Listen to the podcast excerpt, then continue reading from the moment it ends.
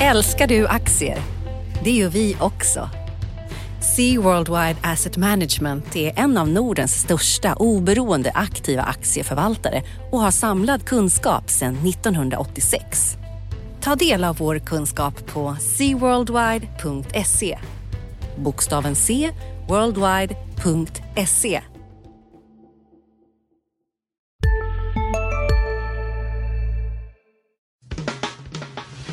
Analyspodden från Dagens Industri. Hej allihopa och välkommen till eh, Dagens Industris eh, analyspodd där vi diskuterar finansmarknader, aktiemarknader och eh, alla händelser som, som händer hela tiden. Det har varit en intensiv sommar eh, och nu är de flesta tillbaks på jobbet igen och vi också. Hejsan Martin! Hej hej! Hur är det med dig Uffe? Det är bra tack. Vad har du sysslat med i sommar? Eh, jag har ju varit inne och rivit runt lite i halvårsrapporterna för några veckor sedan och sen har jag haft lite semester och nu är jag tillbaka igen eh, för, för gott höll på att säga, men för eh, höstsäsongen i alla fall. Ingen, ingen Pokémon? Ingen Pokémon, nej. Jag har lyckats. Du är för gammal för det. Ja, jag tror det. Mm.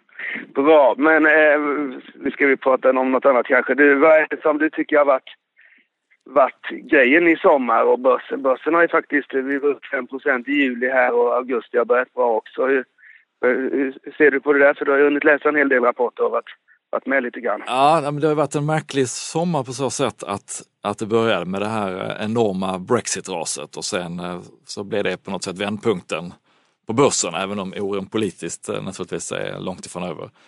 Eh, och rapporterna, när man summerar dem som man snart kan göra, vi har en en hel del faktiskt nästa vecka som kommer eh, ett sista sjok. Men, men de har ju varit lite bättre än väntat och det har inte varit några av de, vad ska man säga, otäcka bolagen som har eh, flaggat för, eh, för, för, negativa överraskningar. Alltså de cykliska eller de mycket Kina-exponerade eller att bankerna skulle komma med några riktiga smällar. Så att det som skulle liksom kunna vända börsmötet till väldigt, väldigt negativt har inte hänt utan tvärtom så har då eh, strax över hälften varit bättre än väntat. En hel del har varit ungefär som väntat och sen en, som alltid då en liten pott som inte har eh, nått upp till förhandstipsen. Men totalt sett så har ju rapporterna varit eh, helt okej. Okay.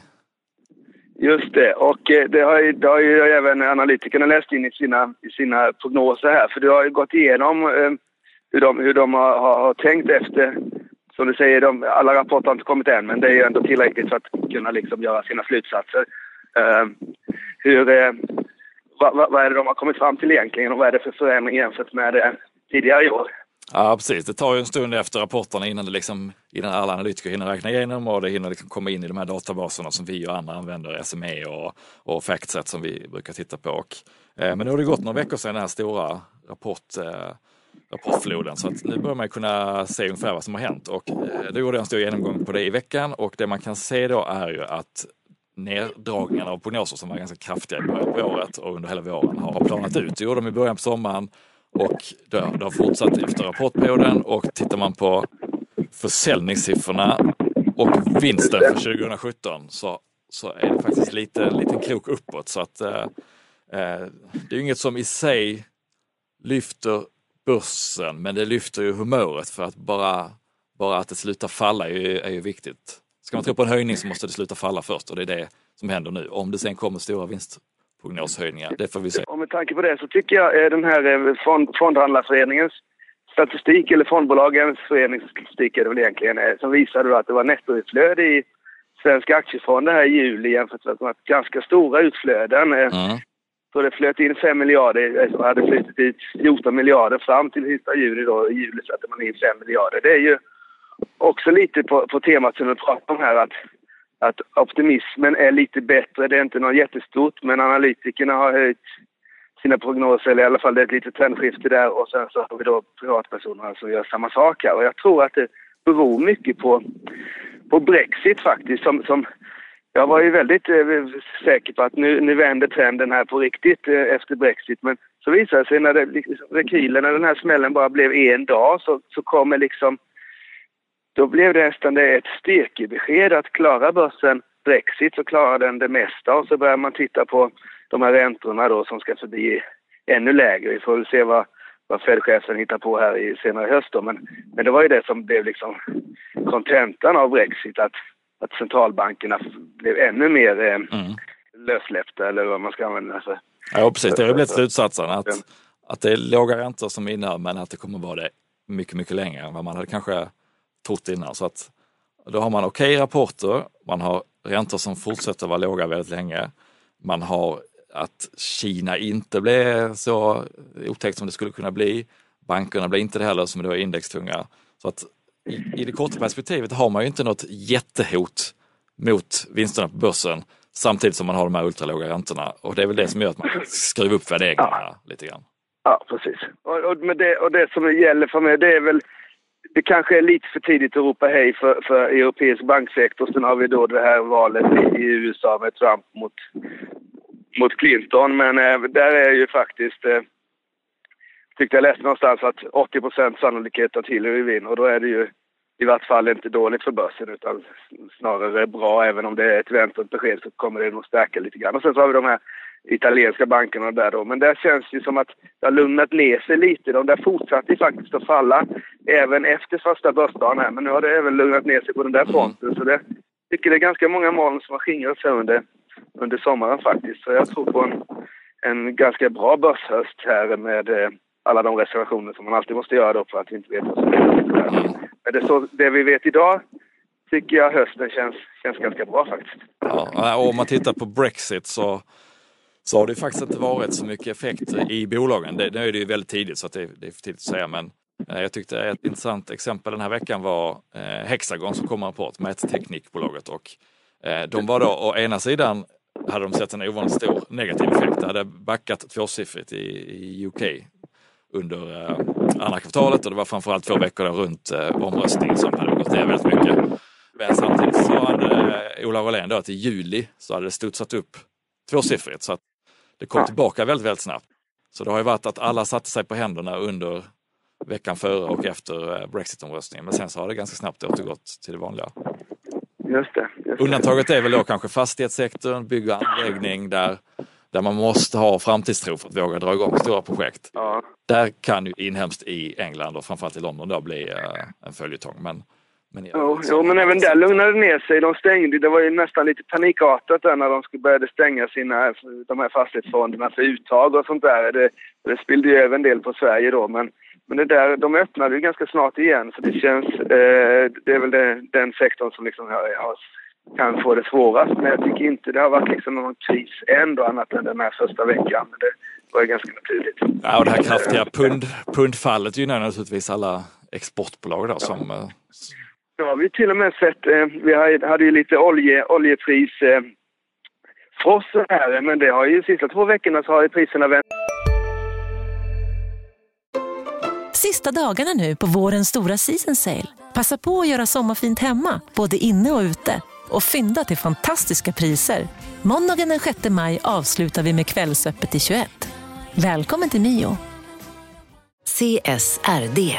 Ännu en förkortning som väcker känslor hos företagare. Men lugn, våra rådgivare här på PWC har koll på det som din verksamhet berörs av. Från hållbarhetslösningar och nya regelverk till affärsutveckling och ansvarsfulla AI-strategier. Välkommen till PWC igen, eh, inte riktigt 10% men en 6-7 från botten vad det gäller bräntoljan och det är också ett styrketecken faktiskt. Vi hade ju, det började liksom, eh, började liksom bli lite oroligt igen på oljemarknaden därefter i, i början av sommaren. Men det har vänt upp så även, även oljepriset är ju liksom, om man nu tycker att ett olje, högt oljepris är bra, det har ju blivit en indikation i alla fall på något slags eh, mm. eh, temperaturen i världen och den, den är faktiskt på väg, på väg upp nu igen. Så det är också ett styrkebesked. Och sen så har vi haft ett bud också i, på Stockholmsbörsen. Det har inte varit så många i år, men vi fick ett här i, i, i somras också. Det är också ett sådant tecken på att Hallex. en del vågar göra affärer. Du tänker på Hallex eller? Ja, just det. Jag tänker på Hallex ja. Det har ja, varit har vi haft ett, tror... två, två bud och ett som inte kommer att höjas. Det är det senaste budet då i, i det här. Så ja, att, eh, precis. Jag, jag stack ut vår kollega Hägerstam, han har semester men han kan inte liksom undslippa sig att, att då liksom påtala att jag trodde det skulle bli mer bud här och jag tyckte man skulle behålla aktien även på 105 och det har han ju rätt i. Det skrev jag faktiskt i tidningen. Men, eh, men eh, jag trodde ju på, på att liksom de här första budgivarna, SAS Holland, skulle göra en budhöjning i veckan och så skulle Mm. detta efter hem det genom ett, en sista budhöjning. Men det verkar som att SAS Holland vek ner, eller de vek ner sig redan, redan nu då. Så nu, nu ska jag säga att affären är i hamn, att det ska komma in en tredje aktör här runt fem kvar. Det, det ser jag som helt så Chansen fanns till en budstrid. Det är faktiskt inte så sällan som som en del sådana här bud, att det blir mer än två budhöjningar. Att det, att det håller på tre, fyra gånger i alla fall. Mm. Men det man kan säga om det är väl att för hittills i år har vi haft tre bud. Om man räknar in Meda är ju klar och sen har vi det här eh, restaurangföretaget NSP som blivit utköpt av en ivägare och sen så nu då halvvägs. Eh, vi brukar faktiskt ha ett svagt budår har vi sju bud på Stockholmsbörsen. Och är det liksom eh, börskurserna på topp och optimismen liksom står som högst så har vi 15-20 bud per år. Så, och jag skulle säga att vi är i något slags mellanläge här så liksom rent statistiskt bör vi ha en handfull eh, bud som kommer här under, under hösten. Nej, Med och- tanke på att det har varit så få hittills i år. Och det gäller inte bara i Sverige, även i USA och Europa har, haft, har det varit eh, ganska lite, eller så här, för, antalet företagsaffärer har gått ner. Men, men lite bättre börskurser så tror jag att vi, att vi kommer även få en temperaturökning i det, i det Mm. där momentet. Ja, för det, det är ju samma där, att om Brexit lite grann fejdar ut från, även för, för de eh, köparna, inte bara de som köper aktier på börsen utan de som köper hela bolag, så, så kommer man ju att se eh, på förutsättningarna igen då att det är väldigt låg ränta, det finns inte så mycket organisk tillväxt att hämta, man måste köpa tillväxt om man ska ha, om man ska kunna fortsätta växa. Då kommer man ju börja titta på bud igen, så att eh, där tror jag att kan pricka Ja, och det där är alltid svårt att pricka in. Det är lite, det är lite som liksom, man vet aldrig riktigt var blixten slår ner sådär och man kan ju liksom, det finns ju vissa bolag som är mer sannolika än andra men, men det, är, det, det är det är de här uppenbara, jag vet inte hur många artiklar jag har skrivit genom åren att Swedish Match är en uppköpskandidat men det har ju liksom inte hänt. Och nu är, det, är de inne på sitt 20 år som börsbolag då.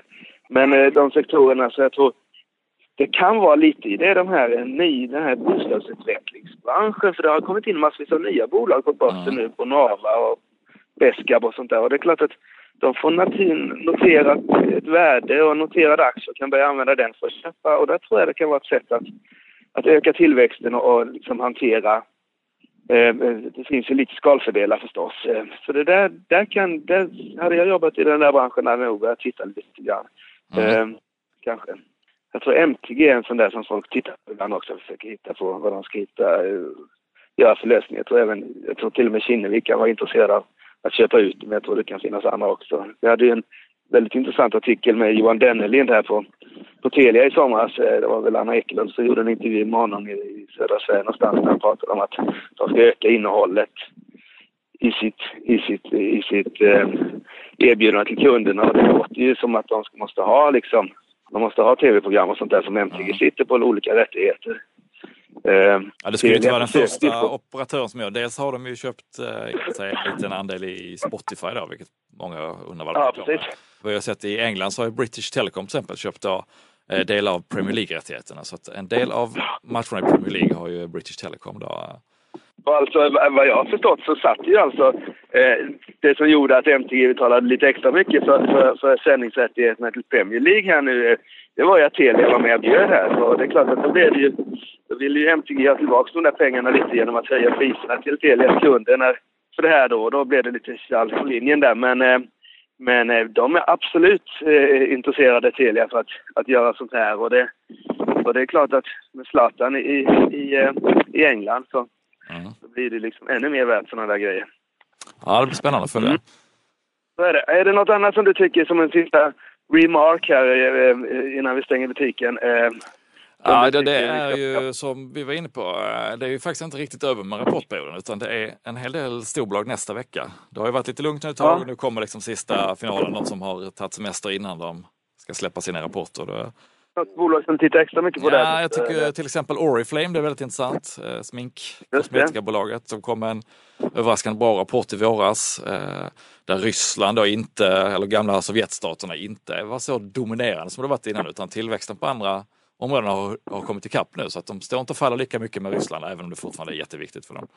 Eh, och, men, men det. den aktien har då dubblats sen i februari och gått upp med Just rullar slänga 30 procent tror jag sen, sen förra rapporten. Så att förväntningarna har ju skruvats upp ganska rejält och eh, Ja. det, det krymper ju såklart utrymmet för att överraska positivt igen, men den blir intressant.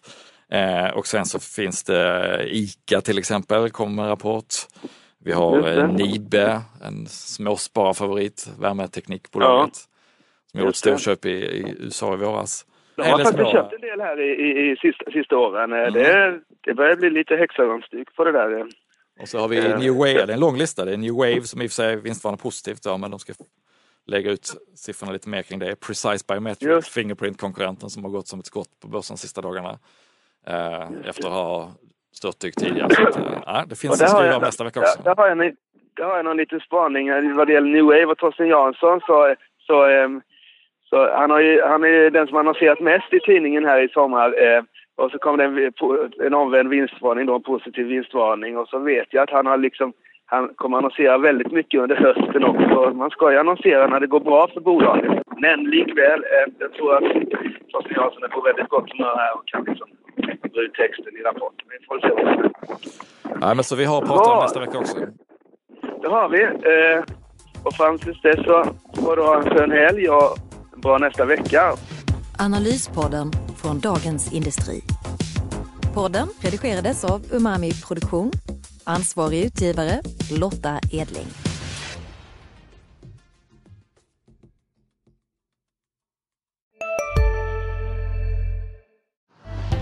Älskar du aktier? Det gör vi också. Sea Worldwide Asset Management är en av Nordens största oberoende aktiva aktieförvaltare och har samlad kunskap sedan 1986. Ta del av vår kunskap på seaworldwide.se bokstaven C, worldwide.se